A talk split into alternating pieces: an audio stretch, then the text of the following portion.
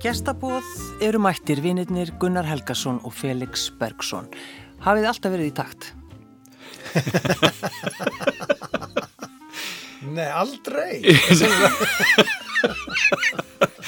Frábæð spurning. Já, sko, við erum alltaf þannig, sko, ef við tölum um takt, sko, þá er Gunni dansarinn í hófnum og ég er söngvarinn, sko, þannig að við svona, já, Við hjálpum öðrum. Við hjálpum, já, við hjálpum stað, við Já. hjálpum stað. Og það, þetta er, það- þú veist, þetta er hreyfingarnar, takturinn, Já, já. en allt annað, bara Í lífinu. í lífinu. Ég sko, Þetta er mjög djúb spurning, Þetta er sko. mjög hugt djúb spurning. Þegar kemur að því að vinna að því svona, að þessu listefni sem við höfum verið að gera ekki um tíðina, batnaefni og öðru slíku, þá erum við mjög í takt. Já. Og höfum í rauninni verið alveg þarna frá árinu 1993 þegar við byrjuðum að, að, að vinna saman að þessu efni. Mm. Við vorum mjög, höfum mjög svipaðar hugmyndir og, þarna, og það gekk mjög vel frá fyrsta degi okkar samstarf. Og hvað var það sem þið gerðu fyrst? Fyrsta sem við gerum saman var að talsetja barnaefni fyrir stöðu 2 sem þá var mjög metnafullt, er, er það örglega en þá en, en það var mjög gaman að ganga þar inn í, inn í sko efni sem bæði var gott og það var vel staðið að, að talsetningunni sko vel þýtt og þetta var alltaf aðeinslega gaman og, og bara fremstu leikara þjóðar Já, já. Og þar, vorum við, og, þar, og þar komum við öll saman sko. á þeim tíma var þetta gert þannig að við settum saman við borð og talsettum þetta saman ekki eins og í dag sem að hver og einn mætir bara einn og maður hittir aldrei samleikarana en þarna hittumst við og það var bara stórkostlegasta kaffistofa þú veist sem mög, mögulegt var sko, með Júla Brjáns þar í farabrotti sem að. Var voru mikið að stríða gunna Nei. það var akkurat. Þá hafði K.R. gengið mjög illa í 30 ár og Liverpool ekki mikið betur og hann, Júli hefur svona laga á að spyrja svona spurninga, þú veist, svona opbáslega djúbra opbáslega djúbra spurninga eins og það er hvernig er það Felix, er K.R. ekkert í takt skilur við, þú veist, eitthvað svona og Felix æsti sig alltaf svo rosalega og, Ég og við hlófum alveg svaka. Þetta var rosalega gaman og þetta voru við þrjá fyrir tíma á dag sko. Sigrun Etta Björnsdóttir Siggi Sig- Sigurjóns. Og Pálmi Geðs. frábæri leikar Já. Og, var- og við nýjúskrifaðir að, að fá að vinna með þessu fólki sko. þetta var stórkostlegt Hva, hvaða rattir voru þið? Sko það sem í rauninni kemur okkur inn í þetta er uh, hérna, Sesame Street. Já, hérna, Sesam opnist þú. Já, hérna á, á, sem er svona alþjóðlegur útgáfa af, af Sesam götu. Já, og, og þetta er prúðuleikara fyrirtæki, þetta er Jim Henson og við leikum þar karaktera sem að hétu uh, Berti og Árni Bert and Ernie. Já, já, já. og, þarna, og það er rauninni, já, það er bara hófst okkar samstarf. Og, við, og þetta var svo gott að- efni við stoppuðum oft, við þurftum að hlæja og svo í kaffistofunni þá fórum við að ræða tala um hversu vel þetta væri skrifað og, og hvernig efnistökin voru. Hann að, svo þegar að Felix mætir hann sko með böggum hildar á uh, kaffistofuna einn daginn. Og, og við Július Brjónsson spyrjum hvað mögulega gæti verið að annað en káur og liðupúl þá segir hann okkur það að hann hafi fengið bóðum að vera með stundin okkar frá Sýriði Rögnu sem var hér stjórnandi barnaefnis Já. til marga ára og hann, gæti alltaf að hugsa sér að gera þetta þetta var, þetta, var ekkit cool sko, fyrir unga leikara sem, sérstaklega sem var búin að vera popstjarn á Íslandi og, og búin að leika stór hlutverki í söngleikjum og vera allkallinn sko Já, já. og, og hérna ég var meira búin að vera í minni hlutverkum. Kannski í sömu leikritum. Ekki alveg sömu leikritum Nei, nei, nei, nei, en nei. hérna ekki á þessum tíma. Nei, og, eh, en ég var búin að vera með sjónvastætti á stöð 2 fyrir börn. Felix búin að vera með úlingaþætti hérna á Rúf Þannig að ég, hann ætlaði ekki að taka þessu bóði en, en ég spurði hvort að hann var ekki til að gera það ef ég fengi að vera með. og það Þá bara getur við deilt vinnunni og þetta er ekki jafn mikið, það væri hægt að gera eitthvað annað, það væri hægt að halda áfram með alvöru leikferilinn meðfram sko. Og þá svona kveiknaði ljós hjá Felix. Já, já, og við, og það, ég, man, ég man bara þetta, ég fannst þetta frábær hugmynd frá fyrsta degi og, og, þannig urðu Gunni og Felix til. Já, en það sem gerðist eh, í rauninni sko að allir halda því að verið alveg svakalega mörg ár. Já, En þið voru bara í Tvo, tvo vetur. Tvo vetur. Já, í stundin okkar, já. En einhvern veginn bara, það gerðist eitthvað. Já, Þetta, voru, þetta voru uh, bara uh, fínir þættir og Við vorum svo mikið í takt. við vorum svo mikið í takt. Við notum svo mikið þessar hugmyndir sem við höfum þarna í reynlega úr Sesami eða þarna, þarna Sesam opnistú og þessar, þessar hugmyndir. Í rauninni að setja eh, peningana meira í að gera efnið gott heldur en endilega þarna hvar við setjum kamerunnar og hvað þar voru margar myndavélarnar að, þarna, að reyna einhvern veginn að einbett sér bara að því að Innihaldinu. segja eitthvað að innihaldi væri almennilegt Já. og við fengum menn til að skrifa fyrir okkur Og að skemmta fóreldrunum í leiðinni. Sko. Já. Það var Já. nummer 1, 2, 3. Það var, nú Eh, var, þakklæti, það var mikið þakklæti þar. Já, ég held að það hafi verið ég, líka hlutið þessu. Svo var það líka bara það að kallmenn, ungir kallmenn hafði ekkert mikið við að gefa sig að því að gera batnaefni. Þannig að þetta var líka, var líka ákveðin breyting. Þú veist, við þekktu við hérna áður Hinrik Bjarnason og fleiri sem höfðu svo sem verið hér. En þetta var svona svolítið nýtt nýtt að þýlitunum til. En finnst ykkur ekki svolítið, svolítið skrítin pæling í rauninni að, að, að, að það sé bara alveg á, það er tveir kallmenn að fara að taka við stundinni og Já, já. því þetta er nú bara einhvern veginn, nei, fer eitthvað fyrir konur. Já, já, en þetta var svoleiðis. Já, já. Þetta var bara Allt þannig. sem, allt sem sko, snýra börnum var náttúrulega fyrir konur. Jú, jú. Meira. Miklu meira. Miklu meira. En þetta var, þetta voru breytingatímar að ímsu leiti og þannig að það, við vorum bara svona hluti af þeirri breytingu og það var mjög gaman. Og, og viðbröðum voru strax mjög sterk. En við samt, sko, eins og ég segi, þetta voru þessi tvö ár, við nutuðum eins virkilega, vorum með frábæran upptökustjóra með okkur sem er Ragnhjóður Torstensson, sem var algjörlega hluti, er bara algjörlega hluti af þessu, þessu dúói. Og þarna eh, og uh, en við vildum ekki fara að endurtaka okkur. Þannig að við gerðum jóladagatal uh, í kjálfarið á þessum tveimur vetrum, þannig að 1996 Já, að Þorvaldur- vorið setna árið, þá fannst okkur eins og við værum að fara að skrifa sömu hugmyndirnar aftur sko og þá sögðu, hefur ekki bara hætta þessu, við, okkur dettur ekkert nýtt í hug. En á sama tíma kemur upp þetta með jóladagatalli Já. sko.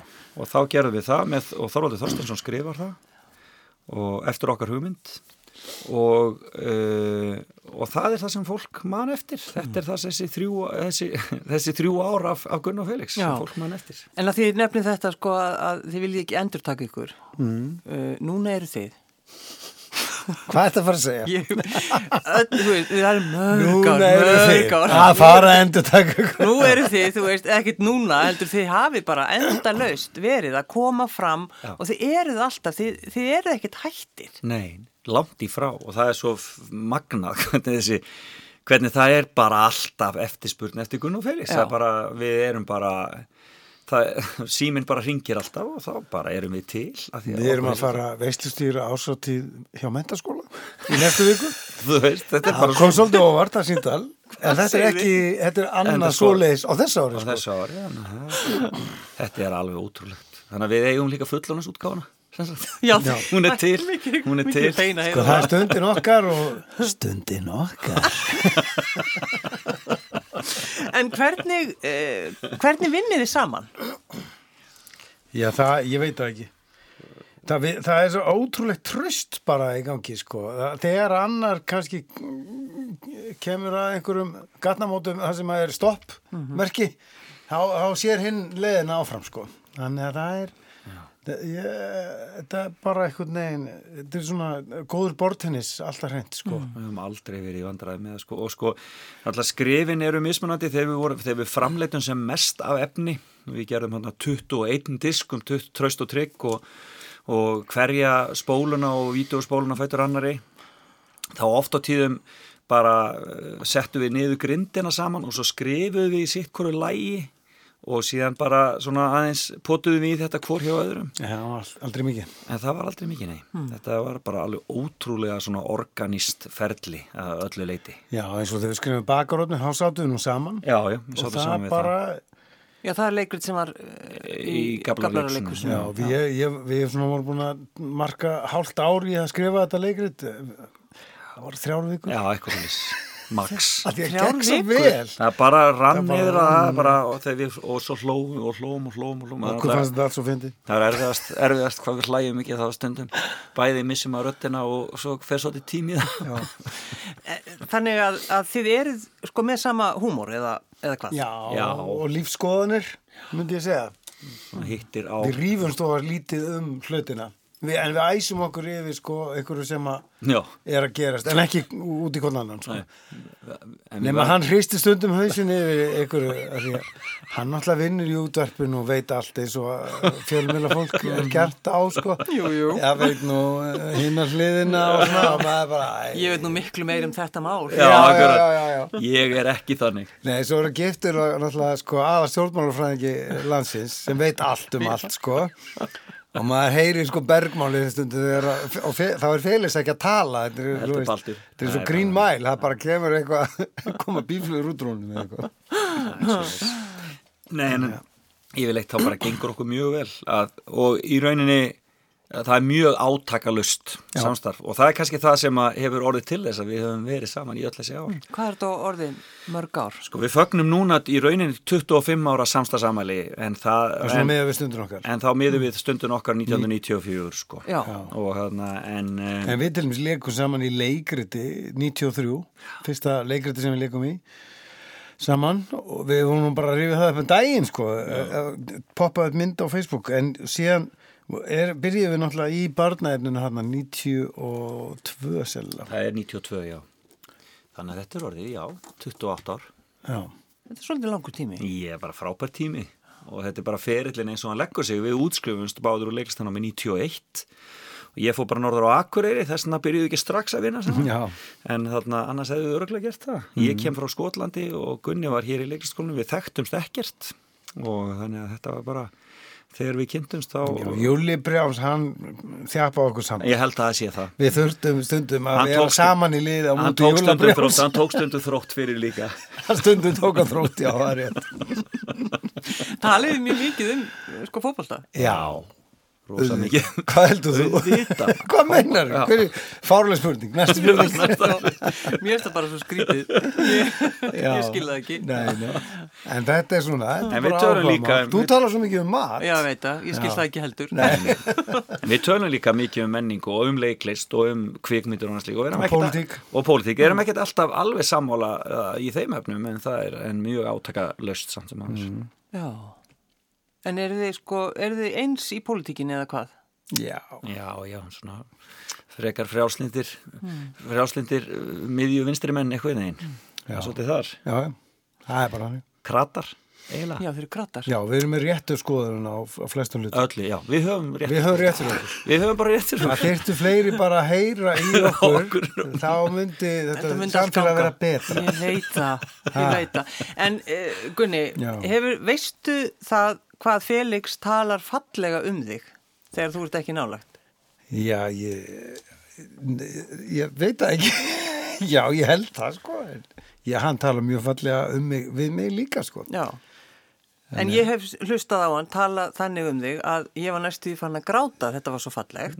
oh my god Já, ég meina, þú, þú, ert, þú, þú ert svolítið, þú, þú rósar honum mjög mikið og þú, það að, þú talar um hann sem stórkostlegan rítönd. hann er það, Já, er bara hann er það Sko, Því ég las mömmu klikk í fyrsta bara, þá einhvern veginn fannst mér þetta allt kulminerast, þá bara sá ég hvað, hvað það var, sko, og ég las hana einn í flugvél, ég var á leiðinni, Baldur var ekstra úti og ég var á leiðinni til hans og Gunni var nýbúin að senda mig bókina.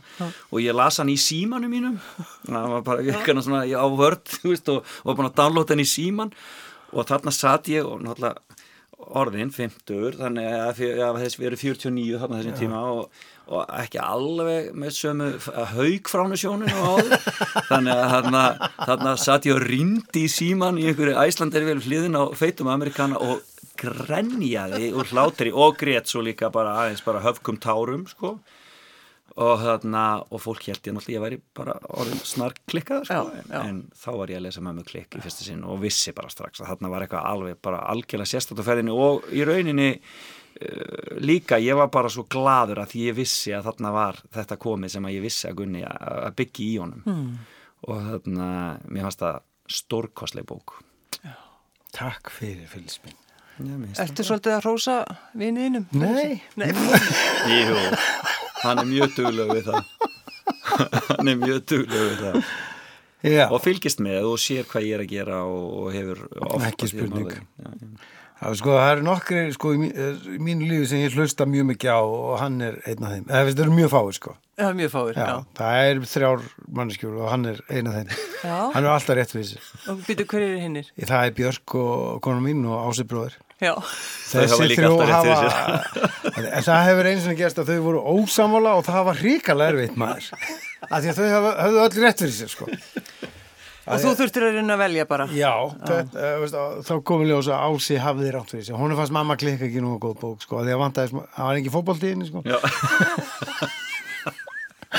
komum ljós að hann hafði bara rátt fyrir sér, en það er líka eina skiptið, sko. Þannig að, já, en, en, en já, auðvitað tala ég vel um Felix, hvað heldur þú? Hvað vil ég segja um Marco Polo?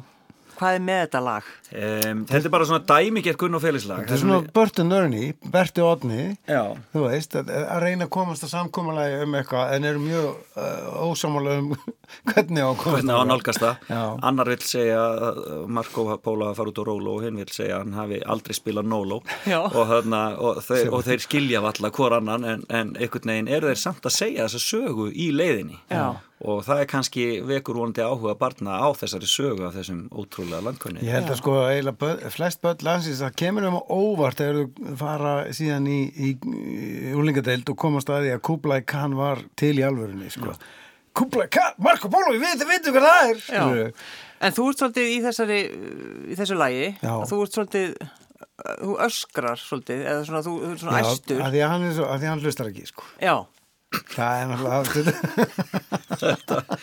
Þetta, hvað er þetta Nóló? já, ofsalega pyrrandi. En hinn er meira með bókmyndaskýningun og hreinu það er Já. bara, þetta er náttúrulega myndlíking En lífið er- er spil og við erum spilararnir og ég vist þá reynir maður að fá alla slægina en, en þá spilum maður grand. En hann Marco Polo, hann var meira þannig. Hann vildi ekki spila núr og og flókið, hann er bara hann, hann, hann er komin sko, hann er komin með, með þarna, hausinn sko í, í flækju sko. Ógeðslega myndið, fyrst okkur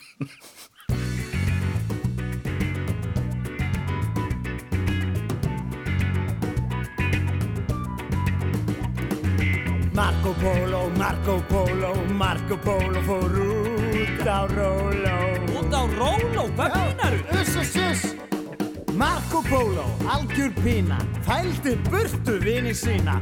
Marco Polo var óþekkur, í rólunni var bilaður hlekkur. Marco Polo, Marco Polo, Marco Polo fór út á Róló. Gunni, Gunni, Gunni, þetta er einhver miskilningur á ferðinni. Uss, uss, uss Róland slitnaði og Marko flög Gegnum himinin drengurinn smög Hann lendi svo með miklum látum Hjá kymverjunum kappakátum Marco Polo, Marco Polo Marco Polo fór út á Róló Já, Gunni, Gunni, Gunni, Gunni, sko, nú miskilur þetta, hann flög ekki. Nú? Það er ekki hægt að fljúa úr Rólu til Kína. Jú, í gamla dag Nei, nei, nei, ekki einu sinni í gamla daga. Hlustaðu á mig.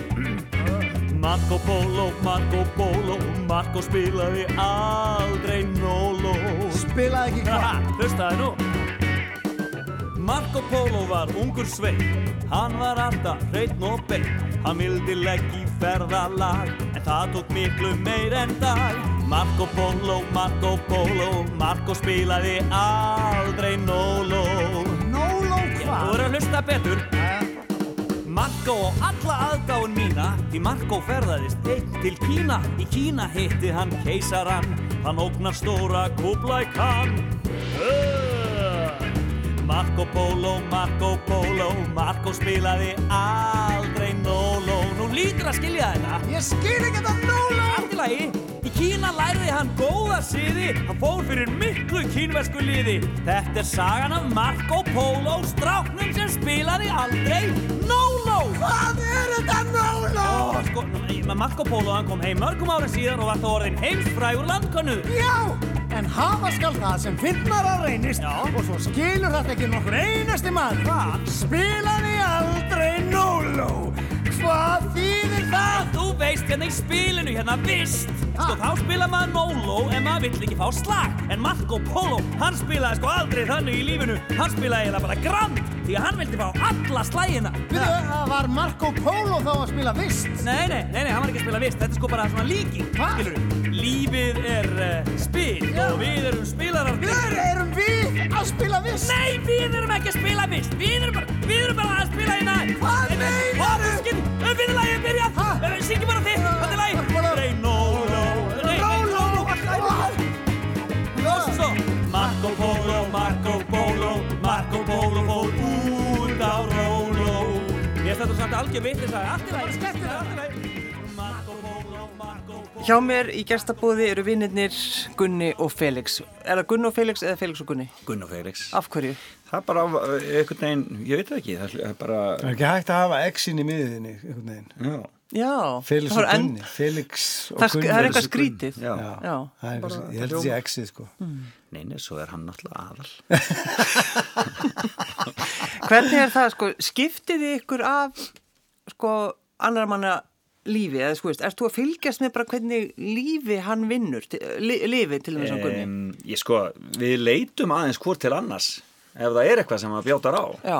Þannig að við eigum bara mjög traustan og góðan vinskap Ég heldur skiptum okkur ekki af en við erum alveg tilbúinir að, að, Hlusta að hlusta og, og- og, og vera vinir og veita ráð eins og góðir vinir eru Þannig að ég held að sé nú bara meira það og, það og við höfum gert það þegar eitthvað hefur bjátað á þá höfum við Við leitað höfum aldrei skipt uh, okkur hvor af annars lífi þannig að sko. Nei. það er engin slettir reiku stefna það er bara hlustað og, og virðing fyrir því sem að hinn gerir sko.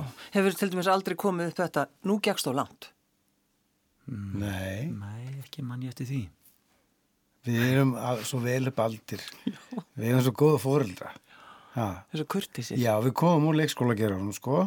Mamma var leikskólakennari og síðan kennari í leikskólakennari skori kennaraháskóla Íslands.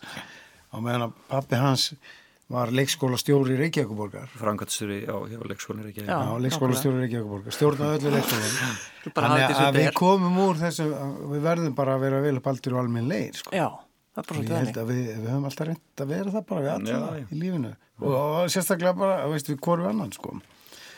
Nei, við höfum, ég man ekki eftir ef við höfum nokkuð tíman þú veist, það er einhvern tíman þú veist, við stundum á sviði þá horfum við hvort á annan bara, þú veist og þarna, það gerist, þú veist, hvað ertu nú að gera skilur það er Já, svo það er meira, er hann að horfa á mig. Já, nei, það, hann horfir stundum svona á mig líka bara, þú veist, ha þú veist, e, þ- þegar það gerist að stöða flæði eða eitthvað svo leist, þá verður maður kannski aðeins pyrraður Já, eða eitthvað já.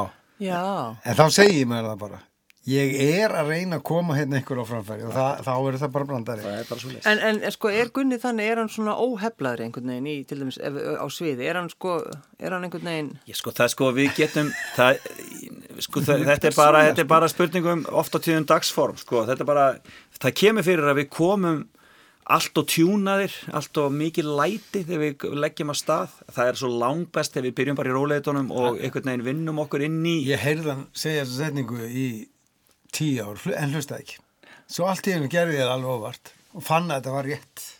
Þá áttaði mig á því að hann hefur alltaf rétt fyrir sér. Nei, það er bara vilsa. En það, en það er einhvern veginn Nei, nú það svo langt. kemur, en það kemur fyrir að við byrjum of há orkustíi já, þegar þeir eru að koma fram. Já, og þá er næstu því, svo, þá er svo erfitt að draga, þá er svo erfitt að einhvern veginn að draga í land, þá er bara orkustíði svo hátt að það er bara, að það er allir, það er allir mælar bara á 11 skilur Já, við erum mónutónist þá bara. Sko. Já, þannig að það er svona, það er svo langbest að byrja í róleitunum, finna áhöröndur, finna hvar húmóri liggur og svo leiðis, að því að þetta er náttúrulega, þó að við séum mjög ákveðna vörður og hvert við erum að fara og hvert við ætlum að fara með hverri skemmtun fyrir sig, þá er þetta mjög spuna tengt hjá okkur. Við vorum náttúrulega byrjum á því að vera bara með heilu leikritin sko. Allt skrifa niður. Já, það var það sem ég ætla að spyrja, er, eru þið með handrit Já, við vorum það til að byrja með. Að það. Að og og og. Og, og, Gunn og Félis fór í tímavél og örðu 100 ára Já, og og fólk búningar horfði og og, bara og, leikmynd og allt saman. Fólk horfði bara á okkur. Hvað eru þeir að gera? Það var náttúrulega áður en við vorum einhver lög, við áttum engin lög, það var aldrei, tónlist stundin okkar með okkur sko. Þannig að þið eruð að vera svona Já, rosa. þá Já, fórum við að þetta syngja hérna höfu herran hjá bara tær svona þú þetta veist. einhverju en, en svo bara fött, föttu við það þegar við erum á stórum pöllum og erum með, þú veist, 2000 manns fyrir framann okkur eða 17. júni, 20-30 manns fyrir framann okkur að þá er bara að keira á skemmtilega músík og láta alla dansa, gera hreyfingar. Það erum pínu sniður á milli og er bara langbest. Og þannig þið eru ekki búin að undirbúa hvað þið segið. Jú, það er einhver rammi. Jú, jú, við ní- 1998 Já, og það hefur bara og virkaði síðan. Virkað síðan. Handrit orðið svolítið slítið. En þegar við veislustýrum ásáttíðum og þá erum við undirbúnir. Þá skrifað eða ekki beint handrit, það er punktar. Já, þú gera þetta, ég gera þetta, ég skal byrja þá kemur þú, törlu, bara lán og svo, eh, en það verður að vera lifandi flæði í því, þess að ef það er ekki að virka þá erum við bara að breytta upp á einhverju nýju og hann er úgeðslega góður í því en Felix. Já. að það er bara hann ákveður bara á staðnum nei, nú ætlum við syngja lag og ég skil ekki neitt í neina, akkur er við höfum hérna, þú veist, fjóra brandar eftir og þá bara, ef, svo komum við út að akkur vildur við syngja lag?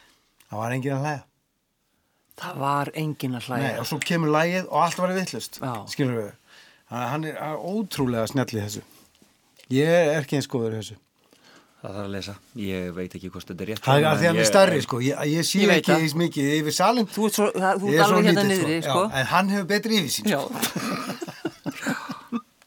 Þetta er, en þetta er svona, svona reynslumál líka. Já. og þetta er bara eitthvað sem við höfum bara búið okkur til í, á þessum 25 ára ferli. Þetta er náttúrulega bara orði, við höfum ekki ekki tal, við höfum ekki ekki sjans að taka auðvitað um hvað þetta er orðið í mörg gig og þú veist, margar uppákomur en það eru öruglega ekki undir 500 eða eitthvað á þessum tíma. Eitthvað, það er bara alveg ótrúlegt. 100.000 Já.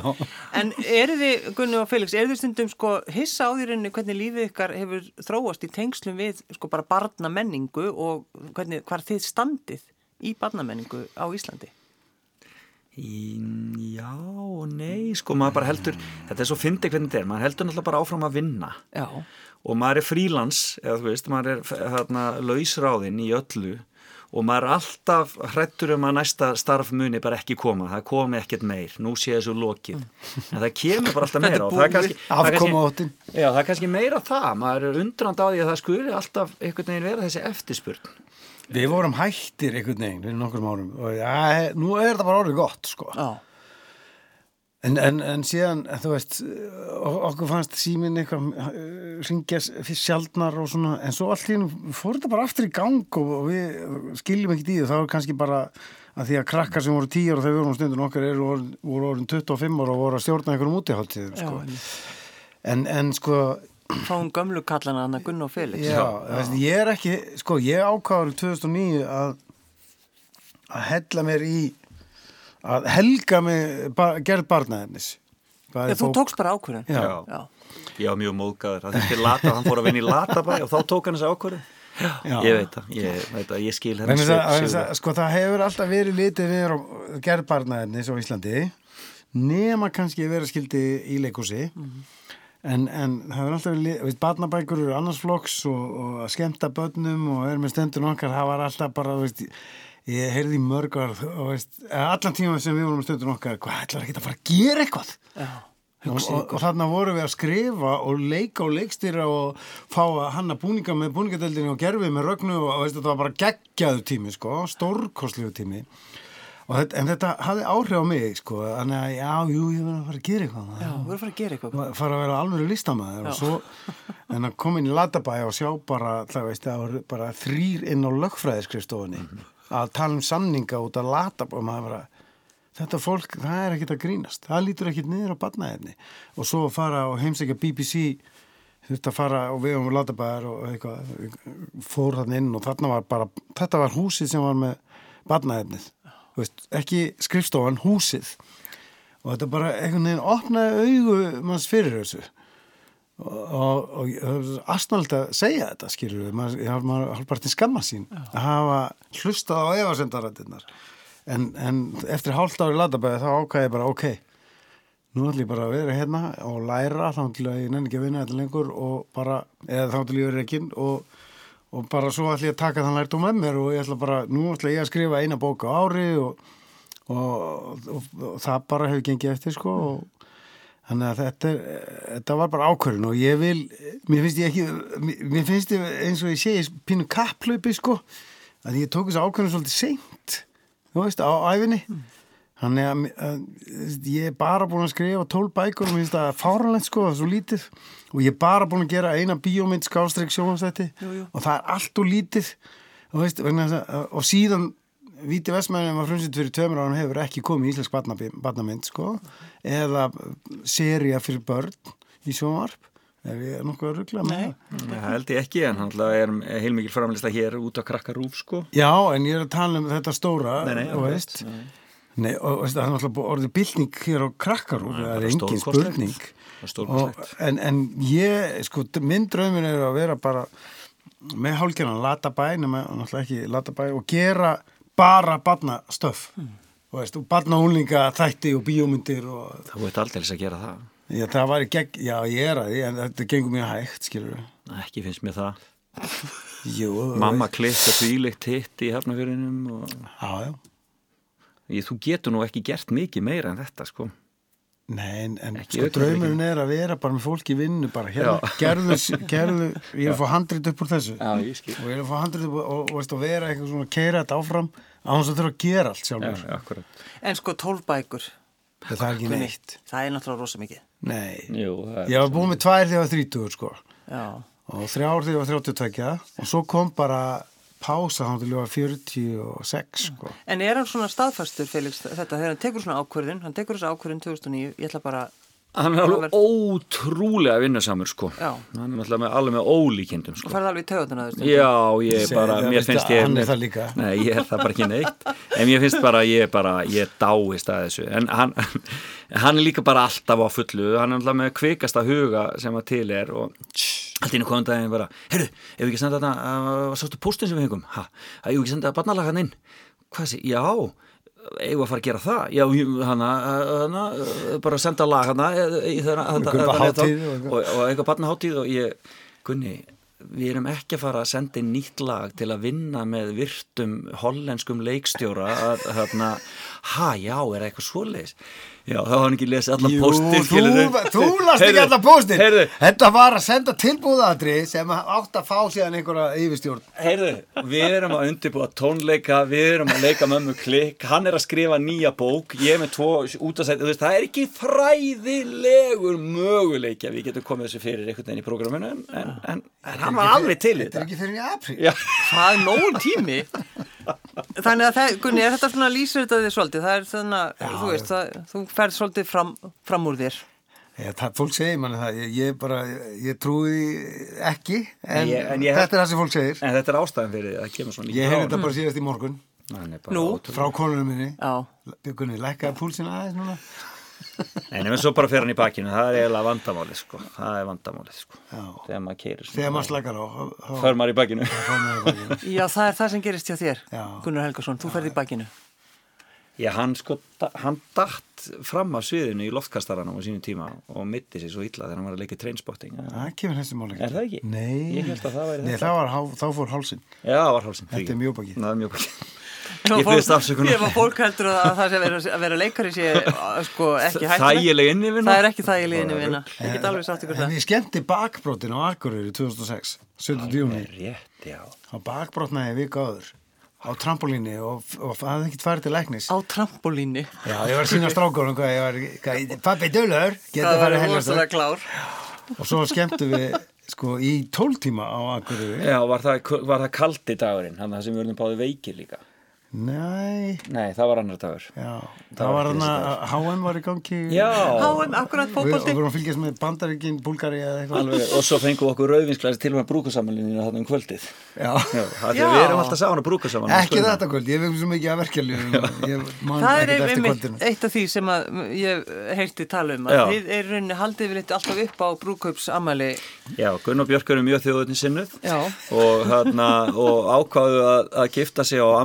Já, Já. Jón Sigurssonar og þarna sem er Vissum 17. ekki að það júni væri þjótt þetta. Nei, það er einhvern veginn fór einhvern veginn fram hjá okkur og þannig er það að, að, að hann er aldrei með henni á brúkustæðin en alltaf með mér Já. þannig er það bara, en við höfum þetta óa hugulegt Alveg skálið ég elska þig Já, ég, bara, ég óskar til aðmyggjum með daginn og stundur hingi í Björk og óskar henni líka til aðmyggjum Aðeins að, að næsta lagi Já. það er, uh, það er Ómar Ragnarsson það er löginans Ómars Já. Sem að er inn í okkar æðakerfi við, við þrjú sem sittum hér í Já. þessu stúdiói Já. uh, en þið ákvaða að taka þau og gáða útbrötu Við gerum plötu sem heitir Ligga Ligga Lá og okkur fannst bara mjög mikilvægt að þessi lög yrðu aftur til fyrir nýja kynsluð mm. og þessir textar eru náttúrulega því líkt gull Það er ótrúlegt að við höfum eh, bara orðið þeirra gæfu aðnjótandi að fá að alast upp með þessum lögum sko. mm. bara, la, lögin eru góð, textarnir eru frábærir og flutningurinn er snildalegur hjá Ómari Ragnarsinni Já, já. þetta er bara ótrúlega flott stöf sko.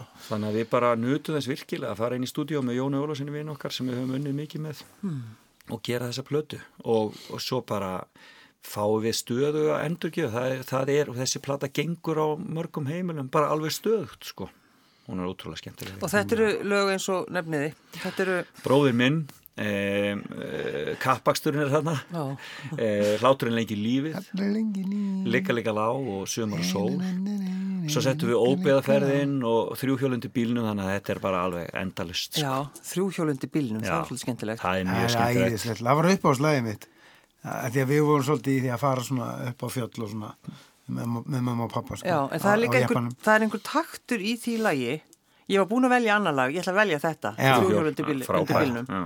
Þetta er náttúrulega sko algjörlega frábært lag og, og þið, eru þið að rífast í þessu lagi eitthvað eða þú veist, er þið eitthvað svona Já, já, já, er það er svona tími veist. þú veist hvort að opna gluggan og eitthvað svona. Þetta er nú svona fyrst og næst textinn frá Ómari. Jú. En ég segi sko eins og með Gunnar, mér fannst þetta mikið uppáslag hjá mér, en, það, en meira hjá mér var að ég bara, þetta bara meikaði engan sens. Það. Hvernig er hægt að keira bílinn á einu dekki? Já, en, það bara- en veist ekki hvernig það var, maður var alltaf svo spenntur hvort þetta myndi ganga Já, ég, Já. bara, ég skildi þetta bara ekki og ég bara, mér fannst þetta í rauninni algjörlega fáranlegt og ég veldiði mikið fyrir mér hvernig þessi bíl liti eiginlega út þannig undir lokin. En það sem er líka æðislegt við þetta lag, sko, er að þetta er, þetta kemur út þarna þegar að hálendi er að opnast. Það er jafnvel engi vegir. Nei, nei. Veldur eru bara frumkvöðlar að keira þarna sem síðar voru settir vegir. Þetta er hápólitist lag Já, þetta er hápólís og þetta er bara, nei, þetta er svona, mér finnst þetta frumkvöðla lag, sko. Þú veist, þetta er bara landneima lag. Og, og ég átti svona fóreldrar eh, sem voru kannski ekki alveg að búa til slóð upp á hálendi en ferðist, við fórum upp í kettlingafjöll og þú veist, keirðum yfir sprengisandum leið og sáðugur opnaðist og þetta var bara æðislegt sko og, og, og ég, mér fannst þetta einhvern veginn bara óður til Íslands og, og íslensku þessar kynnslóður, mamma og pappa sko Jíha! Felix, viltu fara aðeins hæga? Gaman að vera á ferðalagi maður, hæ? Hörru, hvað var það? Þrjú hjól undir bílnum Ó, nei. En áfram skröltir hann þó Ó, já.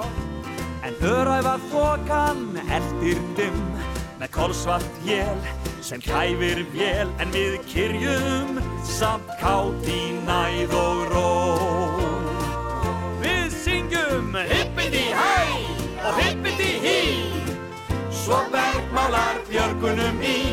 Hérna rétt sunnan með hálsingunni er sæluhús.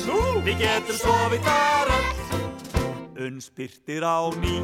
Felix, það byrja að snjóa! Það passar, þeir spáðu sólskinni. Tvö hjól undir bílnum. Nei! En áfram skröltir hann þó. Í sumar frí á fjallaslóð Fárviðri kvín, dagsljós tvín En við kyrjum samt kátt í næð og ró. Við syngjum hippiti hæ og hippiti hí Svo bergmálar björgunum í. Hérna rétt sunnan með hálsin er sæluhús. Við getum sofið þar öll. Unnspyrtir á ný Felix, ertu vissum að við séum á réttri leið? Ó, Gunni, þú og þitt GPS-tæki Hvað er með þetta? Nei, hvað er þetta? Þú hendur! Eitt hjól undir bílnum Ah! En áfram skröltir hann þó Yfir grjót og urð Upp í hurð Með hyggst og hóst Í hlýðar gjóst En við kyrjum Samt kátt í næð og ró hippiti hí. Svo bergmálar björgunum í. Hérna rétt sunnan við hálsin Er sæluhús. Við getum sofið þar öll. Unnspyrtir á ný. Og fossar vatn inn í bílinn! Ég veit að hegið var á lokaðu glugganum. Ekkert hjól undir bílnum! Hann áfram skröldir ei meir. Hann lengur á hlið Í hildjúbri á. Ströymurinn gjálfrar Gluggum á En við kyrjum Á kafi vatn og leir Allir út að íta Og syngja svo með mér Hippiti hæ Hjá mér í gestabóði sitja enn Gunni og Felix. Eh, Það er þetta með hvernig við lifum lífin okkar. Eru þið og hafið þið í gegnum tíðina svona komið með eitthvað fyrir börn, svona, ef að segja lúmst eða eitthvað, eru þið með einhver svona skilaboð? Já, Svo já. góða spurningar, já. Já, já. Hún er að standa því ógeðslega vel. Já. Ég, Svo jú, góð útvarskona. Hættu Nei, þú ert bara að standa því ógeðslega vel. Jú, jú, það er alveg Það er engin spurning. Já, já, við erum með okkar gildi Já, okkar bretti gildi. kærleikur og bræðarlag, það er bara þannig. Það er bara í, í grunninn, þá er það þetta. Vertu góður, þú veist, hérna, bóður nummer átta, þú veist, komdu fram við náðangaðin eins og þú vilt að sé komið fram, fyrir, fram við þig. Man nú ekki númer hvað það var, hljómaði bara veila. Já, það var mjög gott. það. Þetta er þetta þetta ekki kærleiksbúður þig? Já. Þarna, þarna, en já, það, við, það, það er engin spurninga, það er svona, það er filosófían og við settum sko, það voru svona, eh, við vorum farin að tala um gildi áður en þarna, það, það varði í tísku en þarna, voru svona þessi þrjú orð sem við unnum með var hérna, við, þarna var hérna skemmtun, fræðsla og virðing. Og við rauninni virðing Alveg fyrir, rétt, ég var að gleyma þessu. já, virðing fyrir hérna, Segð þetta aftur, hvað voru voru þetta? skemmtun, fræðsla og virðing. Já, Og skemmtun komur henni fyrst, við vildum skemmta en við vildum jafnframt fræða eh, í svona anda þess sem við þekktum úr góðu barnaefni annar staða frá. Og svo vildum við að allir upplifa að það væri virðing fyrir viðfangsefninu. Við, við, við bærum virðingu hvert fyrir öðru þó við værum að fýbla staðins já, sko, þetta kemur alltaf svolítið úr, hérna, þú.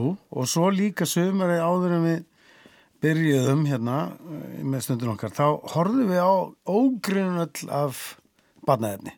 Sýrið Ragnar var mjög deilu að láta okkur fá eh, spólur og svo sóttu við eitthvað skandinavistefni sko, og, og brest. Já, og þá eh, hérna, heyrðu við, eða ég heyrði í fyrsta sinni þetta orð edutainment sem sé skemmti fræðsla Já, eiginlega. akkurat.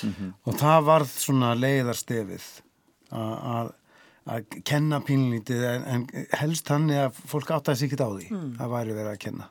Það er svolítil kunst. Já, það, það tók nokkra tilhörnir að- að finna tónin sko. Já. Og það var hann að við vorum að, ég hafði verið að vinna í skilabóðskjöðun, þetta var allt Þorsteinsson á þessum tíma, þannig að við tókum bara inn í stundun okkar uh, einn dverg úr skilabóðskjöðunni og, og það voru alltaf sketsar sem að, uh, þarna, já, þættir sem Þorvaldur skrifaði. Þannig að það má eiginlega segja að hann hafi komið með, mjög vel með okkur inn í þessa og við, hann vann út frá þeim þemum sem við vildum vinna með í þá og það skiptið og það gæti verið hræðsla eða það gæti verið vinátta eða það gæti verið hvað sem er, ramagn og, þarna, og út frá þessum þemum unnum við allan þáttinn. Hann, hann var eiginleitt hugsaði þannig Já, þannig að það var eitt þema í hverjum þætti.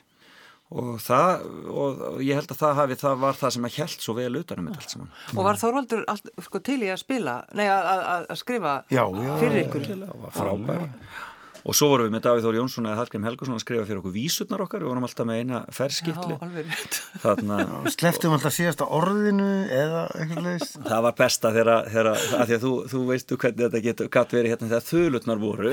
Jú, jú, Og má ég minna þá, ég var þurra. Já, akkurat, ég var þess að mm -hmm. en það var einu sinni, það, það kom saga alltaf um þig. en, en þulutnar fór alltaf með vísurnar á undan þættinum. Já. hérna, og hérna og, og þulan byrst og sagði hæ krakkar, og þá er að koma að stundin okkar.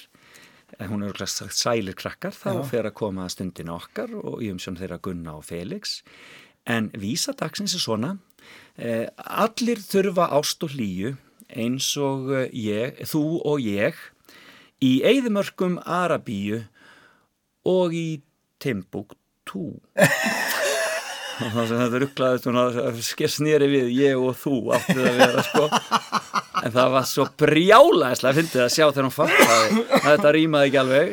En það Eitthvað var sem- skrítin Já, tótt. það var eitthvað skrítin tótt en það var, þetta var mjög uh, típisk svona vísa sem við fórum með í byrjun þáttar og lokþáttar með hreyfingum. Allir þurfa ást og líf eins og ég og þú í Eidumörkum Arabíu og í Timbuktu. Já. þannig að það, þá var þetta bara þáttur um kærleikan og þá var það í raunin búið að leggja leggja þá línu Já. skemmtilegt En eins og til dæmis í stundinni, þið voru stundin náttúrulega ósáttir, er það ekki? og, og, og það var þetta kannski að, að leysa úr Já, já. ágreiningi. Já, já. Var, var það eitthvað svona, var það einhver pæling eða? Já, já, já, já Það var svona, það var aldrei risastór ágreiningur. Nei. Það er einmitt að skemmtilega þegar að fólk fer að æsa sig yfir smáadrjónum, sko. Þú veist. Er það þá þegar þið sagt við þig, heyrðu slakaði þess á, lækkaði púlsinn? Já, en það var sko, þetta var, ég var að horfa á eitt þátt bara núna um daginn það, sem að eh, ég var hérna á safninu og það var til dæmis, það byrjaði þáttuna því að við komum báðir inn og það er svo kallt og það er svo úkislega mikill vetur og allt svo úkislega dimmt og svo úkislega leðilt og veturinn er svona og veturinn er svona og veturinn er hins einn hvað þetta er glata allt og, og, en þá vorum við mjög sammála um það en þá kom sko smíðadref dvergurinn í heimsókn og bent okkur bara á með í róliheitunum hvað veturinn væri rauninni hrikala skemmtilegur, hvað var hægt að gera margt skemmtilegt. Og þá í rauninni einhvern veginn snýst þetta þarna, stóra vandamál í andhverju sínu og verður bara hrein og klár gleði skilur, og allir hlaup út og gera snjókall þannig að þetta, þetta voru bara svona einfalda litlar hugmyndir en ótrúlega gaman að, að stúdera þetta allt saman og vinna þetta allt saman En var á einhverju tímabili, Gunnar Félix, ég uh, veit ekki hvort ég sé að bulla, en ég finnst endilega þú hefur einhvern tíma talað um það þegar við erum orðinni þreyttir á þessum skemmtunum út af uh, drikju. Já, sko, það er kannski Drikju aðalega- foreldra, ekki barna. Nei, nei, saman ekki. Barna voru- drikja við minga mjög mikið. Það er, þetta er bara alltaf útleið í dag, en Nei, það já, var þannig hérna í Kanada, já, já, við vorum að skemmta á viðburðum þar sem að menn voru með áfengi við hönd yfir daginn. Og við bara, Já, já, já, við bara hættum að taka þátt í slíku, við hættum að, að skemmta á slíkum viðburðum. Og bara við, þarna, til dæmis um Vestlunumæliki þá hættum við að vera á ákveðnum stórum hátíðum en ákvaðum að fara og vera bara í Neskjöpstað þar sem að vinur okkar halda frábæra hátíð sem heitir Neistaflug af því að þar var fjölskyldufókus og þar var engin með áfengi yfir daginn það var bara skipt mjög skýrt á milli það var fjölskyldudagur og síðan bara eftir sturtuðu í sig. já, ég veit það ekki, en um kvöldi bara, þá bara er, eru börnin fann að sofa og Já. þá hefst tjammið, skilur við og við vorum miklu frekar til að taka þátt í því heldur en hinu þar sem að fólk var bara ráfandum og oft á tíðum fólk með börn á öxlunum og bjóri hönd, skilur Já, það var einu sinni ekki hægt að byrja barnaskemmtununa því að það þurfti að draga, ringi hjálparsveitina og draga líkin burtu sko. sem- Af danspallinum. Já, bara beint fyrir framann svið sko. Bönnin komast ekki að sviðina því að fólk láð þar í og við höfðum engan áhuga að tengjast svoleiðis viðburðum og bara teljum að það séu og teljum að börn og áfengi eigi bara ekki samlegu ég held að það séu núna flestur rótni sammála því Já, já, þetta er mikið breytt held ég Þetta er nú svolítið mörg ár síðan þetta. Já, Jú, þetta var á var- síðustu öld. Þetta var svona og hérna, en við vonum að þetta sé miskusti. En hvað ætlaði að gera núna? Sko, þetta er uh, sko, þetta samstarf í rauninni, þið seg, talið um 25 ára en þegar við rauninni unnið saman í 28 Átta ár, já. Sko, hvað gerir maður við þessa tölu? Hvað, hvað er þetta að gera?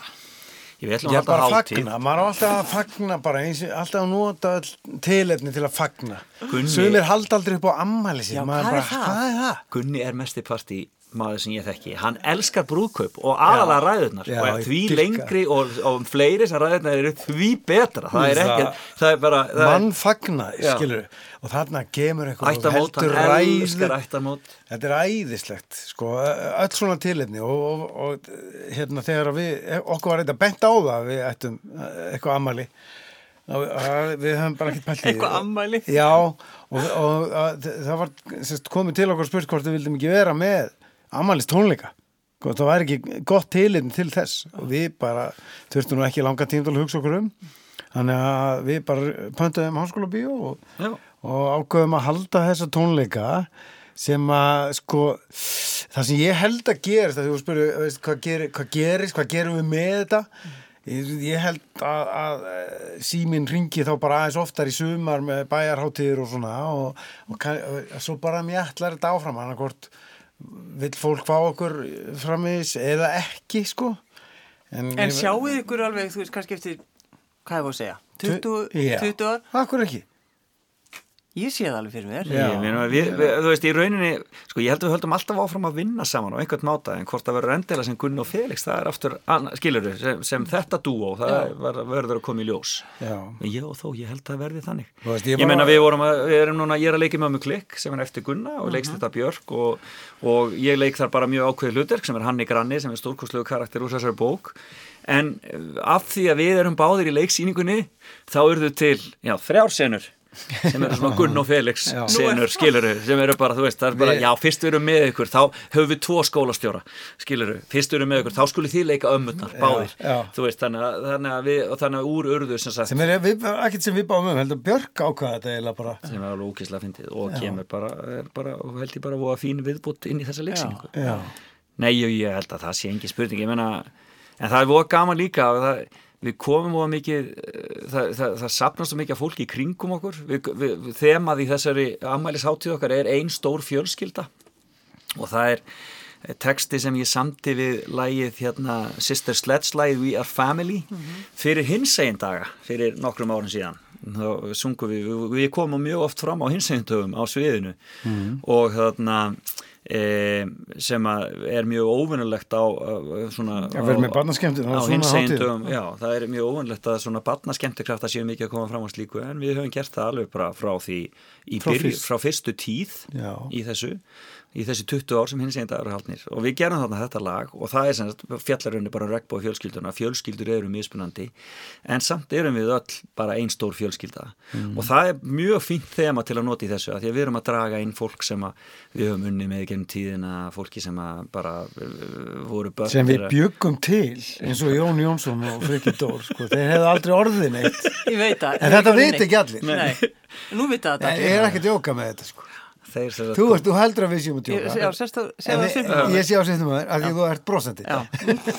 og með svona vantrúar höku, svona hökunan í Nórbringu en, en við hittum þessa ungu menn þegar þeir voru 16 ára. Og, og eh, eins og Jón kallar okkur sviðsfeður sína. Það er bara þannig.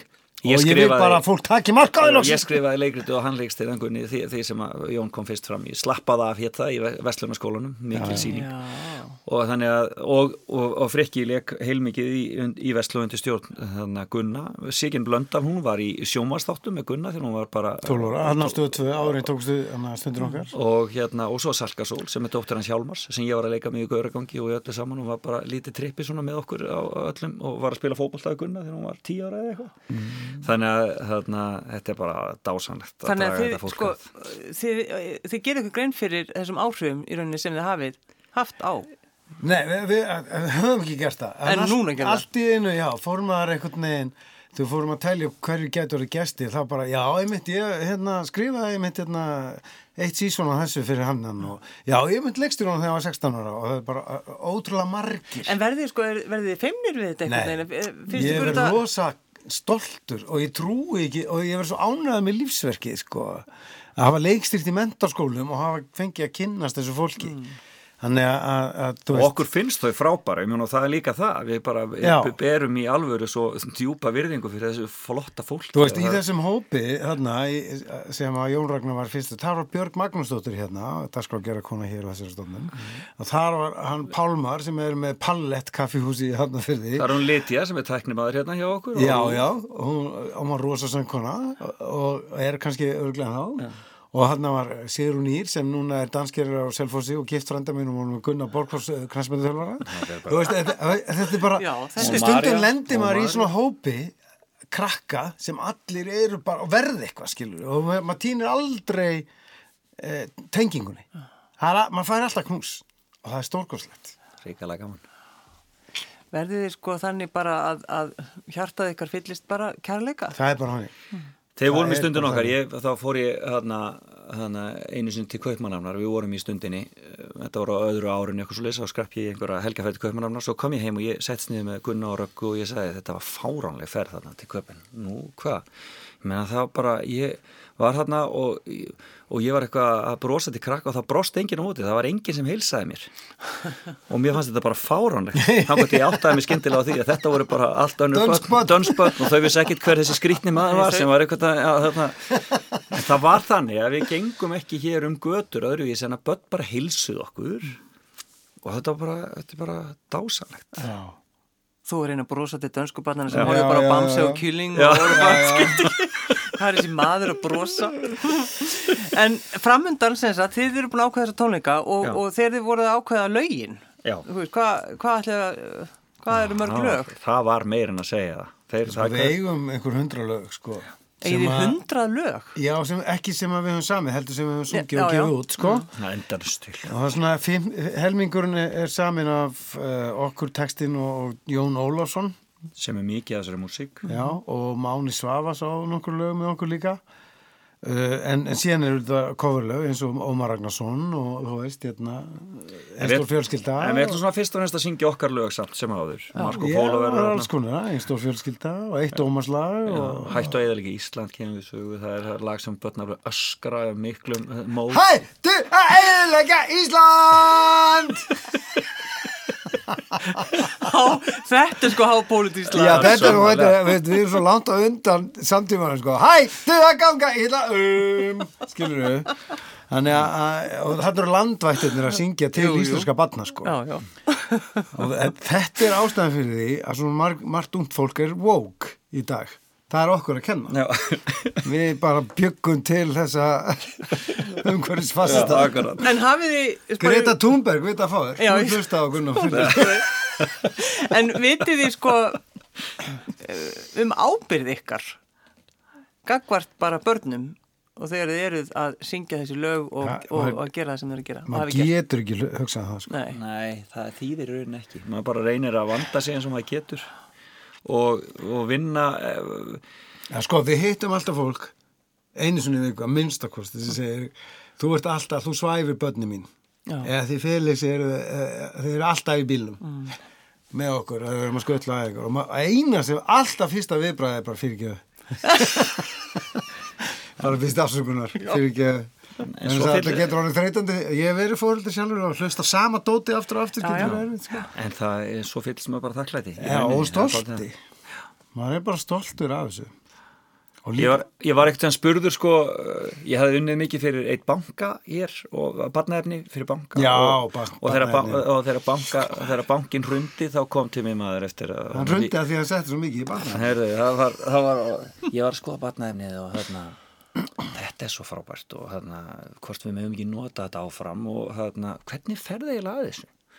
Og það bara fauka ég aðeins í mig, skiluru, hvernig fer ég að þessu? Ég sest bara niður og skrifa þetta og vinn þetta bara hjartans einlægni af því að, þú veist, mér finnst svo gaman að gera þetta. Ég, það er ekkert öðruvísi, þetta er bara að vinna, skiluru, og maður bara vinnur hana eins vel og maður getur og svo annarkost er það gott eða slæmt en þú veist, en, en það er alltaf, alltaf hjarta í öllu sem maður reynir að gera þannig að þarna þú veist að, að, að, að það er stóra máli þetta er bara vinna og bara ansi mikil vinna en hefur bara verið alveg ótrúlega skemmtileg og gefandi Gunni, þú ætlar að líka lýsa Felix bara svona í smá Ég var alveg að fara í pólitíkina. Já, verður ekki að því Nei, nei, nei. nei, Það er nei, að hérna, nei, sko, pólitíka barnaðin, sko. En, eh, já, fyrir ekki, hver spurning? Já, ef þú ætlar að lýsa viniðinum Felix Bergsinni Hann er rétt sín og er, við erum ekki að tala um útlitið.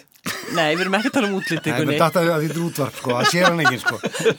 Fyrir einhver sem veldi fyrir ykkur hvernig Felix lítur út, þá hefur hann ekkert breyst. Nei.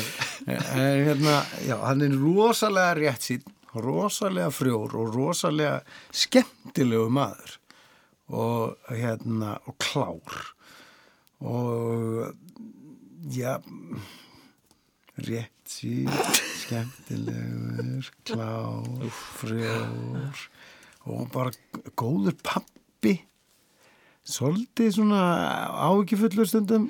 Að óþörfu, fullkomlega óþörfu að því að hann á stórkostlega krakka sko. En og svo líka svo gaman þegar fíkur í hann út á pólitíka eða fótbolta að ég dýrka það sko en svo finnst honum fárlegt þegar ég fer að æsja með pólitíka því að eins og við fórum yfir hérna þá veit hann þetta í rauninni betur sko að því að hann vinnur á fjölmiðli og er giftur Baldri Þóralsinni sko.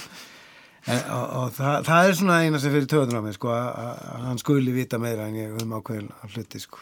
og ég meina að hann veit meira en ég sko, og það getur verið pyrrandi sko. Hvað segir þú Felix um Gunnar? Ég get nú bara svona næstuði nota sömu orðin um hann en, en er, hann er ótrúlega mikill Íslendingur og elskar þetta land og þessa þjóð af öllu sínu hjarta og það er ekkert skemmtilegur en að ferðast um landi með Gunnar Helga sinni hann er alltaf bara svona skemmtilegasti ferðafélagi sem hægt er að hafa og einu sinni Já, voru- ég, ég tek undir það. Einu sinni voru- ég sé það.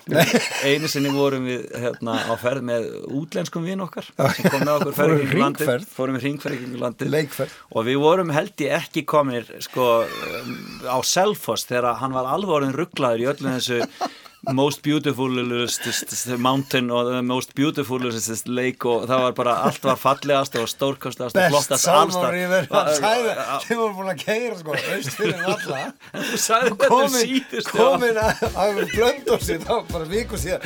Ok, now you have to decide. Hva, hver er besta áinn ég þú ert búin að segja að 15 ára leðin er besta þannig að en það er bara já, við, við erum bara skemmtum okkur konunglega saman. Já.